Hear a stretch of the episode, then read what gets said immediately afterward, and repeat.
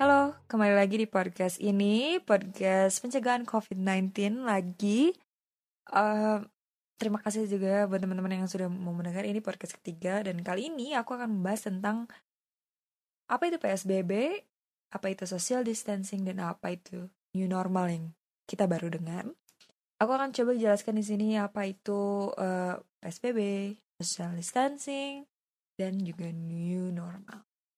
Yang pertama, kita kita hampir mungkin dengar tentang PSBB. Jadi mungkin uh, pemerintah uh, kota daerah atau mungkin pemerintah pusat juga uh, menyarankan untuk PSBB ya, itu pembatasan sosial berskala besar. Nah, apa sih? Uh, jadi pembatasan sosial berskala besar ini jadi aktivitas kita tuh uh, dikurangi ya. Jadi aktivitas-aktivitas di luar tuh seperti berdagang bersekolah uh, misalnya nongkrong-nongkrong gitu harus dibatasi. Jadi sosial kita dibatasi. Nah apa sih yang boleh sama nggak boleh ketika PSBB nah berdasarkan peraturan Menteri Kesehatan Republik Indonesia nomor 9 tahun 2020 tentang pedoman pembatasan sosial berskala besar itu yang boleh dilakukan yaitu proses pendidikan, pelatihan, dan penelitian yang berkaitan dengan pelayanan kesehatan itu boleh. Berkegiatan di kantor dengan dibatasi jumlah pegawainya juga boleh. Pemakaman bukan karena COVID-19 maksimal 20 orang itu boleh. Dan juga fasilitas umum yang berhubungan dengan kebutuhan pokok, layanan kesehatan, penginapan yang menampung dampak COVID-19 juga diperbolehkan. Jadi ada empat poin yang diperbolehkan ketika PSBB. Nah, apa sih yang nggak boleh selama PSBB? Yang pertama yaitu tidak boleh melaksanakan kegiatan proses belajar mengajar di sekolah. Tentunya eh, kegiatan belajar mengajarkan tidak boleh di sekolah karena banyak siswa, banyak anak-anak yang mungkin akan eh, mungkin banyak anak-anak yang akan terjangkit. Jadi supaya tidak menyebarluaskan menyebarluaskan uh, virus ini, jadi kegiatan proses belajar mengajar di sekolah itu di, tidak diperbolehkan. Lalu apalagi yang tidak boleh yaitu berkegiatan di kantor dengan jumlah pekerja normal. Jadi di kantor itu harus dibatasi juga orang-orangnya. Uh, tidak boleh kebanyakan. Lalu beribadah di tempat umum atau tempat ibadah. Jadi teman-teman yang yang biasanya mungkin uh, ibadah di luar atau misalnya ya rutinan harus pergi ke tempat ibadah ketika PSBB ini beribadah di tempat umum atau dari tempat ibadah itu tidak diperbolehkan.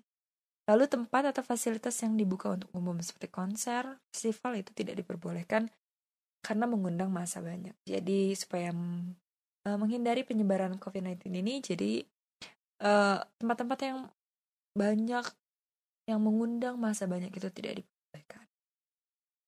Nah, uh, eh, PSBB ini kan juga berhubungan dengan social distancing. Nah, teman-teman sering banget mendengar tentang social distancing itu apa. Social distancing itu harus menghindari tempat umum seperti mall atau cafe atau tempat-tempat yang masa mengundang masa banyak itu uh, tidak disarankan untuk teman-teman datang ya karena kita harus uh, social distancing. Sebisa mungkin berdiam diri di rumah. Jadi memang hashtag di rumah aja itu sangat sangat sangat harus diterapkan dalam hidup kita uh, ketika masa pandemi ini. Jadi social distancing ya kita harus di rumah aja. Dan hindari kegiatan dengan masa banyak. Jadi ketika ya ketika social distancing ini tidak boleh uh, datang ke tempat-tempat yang masanya banyak itu tidak boleh. Physical distancing itu pembatasan fisik itu salah satu langkah yang disarankan untuk mencegah penyebaran COVID-19. Tidak, tidak hanya di luar rumah, pemerintah juga menyarankan agar cara ini juga dilakukan dalam rumah. Jadi di luar atau di dalam ruangan itu physical distancing minimal 2 meter antara orang. Jadi tidak boleh lagi dan lagi tidak boleh berdempetan. Nah, e, karena kan harus social distancing, physical distancing apa sih? Jadi kita harus di rumah aja gitu. Apa ya kegiatan yang bisa dikerjakan saat di rumah aja? Ya satu, yang pertama itu jadi bekerja dari rumah work from home. uh, buat ya mungkin orang tua kita yang kerja biasanya ke kantor atau ke sekolah kini harus belajar di harus belajar sorry harus bekerja di rumah teman-teman juga bisa membaca buku bisa olahraga menonton film bisa belanja online ya tanpa pergi langsung jadi sekarang kan banyak banget uh, ya tempat-tempat belanja online yang uh, mencakup kebutuhan teman-teman. Jadi bisa belanja online atau teman bisa memasak bisa mencoba eksper eksperimen baru uh, lalu bersih bersih rumah supaya tetap bersih dan sehat juga. Dan juga mungkin teman-teman berkebun banyak sekali sih sebenarnya kegiatan yang bisa dikerjakan di rumah. Jadi uh, lakukan yang teman-teman suka aja. Dan sekarang aku membahas tentang new normal. Jadi Indonesia sudah memasuki bulan Juni. Itu menuju tatanan new normal karena ingin memperbaiki kondisi ekonomi Indonesia eh, saat pandemi. Nah, Kementerian Koordinator Perekonomian Indonesia menyusun kerangka waktu pemulihan ekonomi pasca krisis COVID-19. Kajian mencakup lima tahap dimulai pada tanggal 1 Juni 2020. Jadi ada beberapa fase, ada lima fase. New normal itu apa aja sih? Fase pertama itu 1 Juni, toko, pasar, dan mall belum boleh di, beroperasi kecuali untuk toko penjual masker dan alat kesehatan. Dan juga di satu Juni ada uh, industri dan jasa bisnis ke bisnis B2B dapat beroperasi dengan social distancing.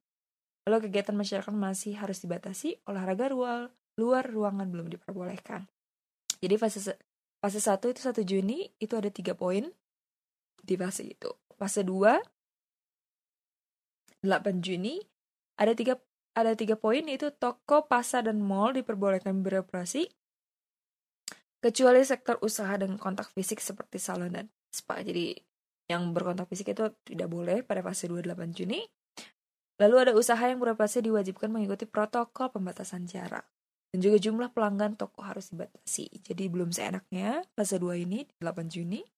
Lalu fase 3 15 Juni. Toko ada sorry ada empat poin. Yang pertama itu toko, pasar, dan mall tetap beroperasi seperti pada fase kedua. Namun pembukaan salon spa dan sektor usaha lain yang dipertimbangkan dengan protokol kesehatan yang ketat.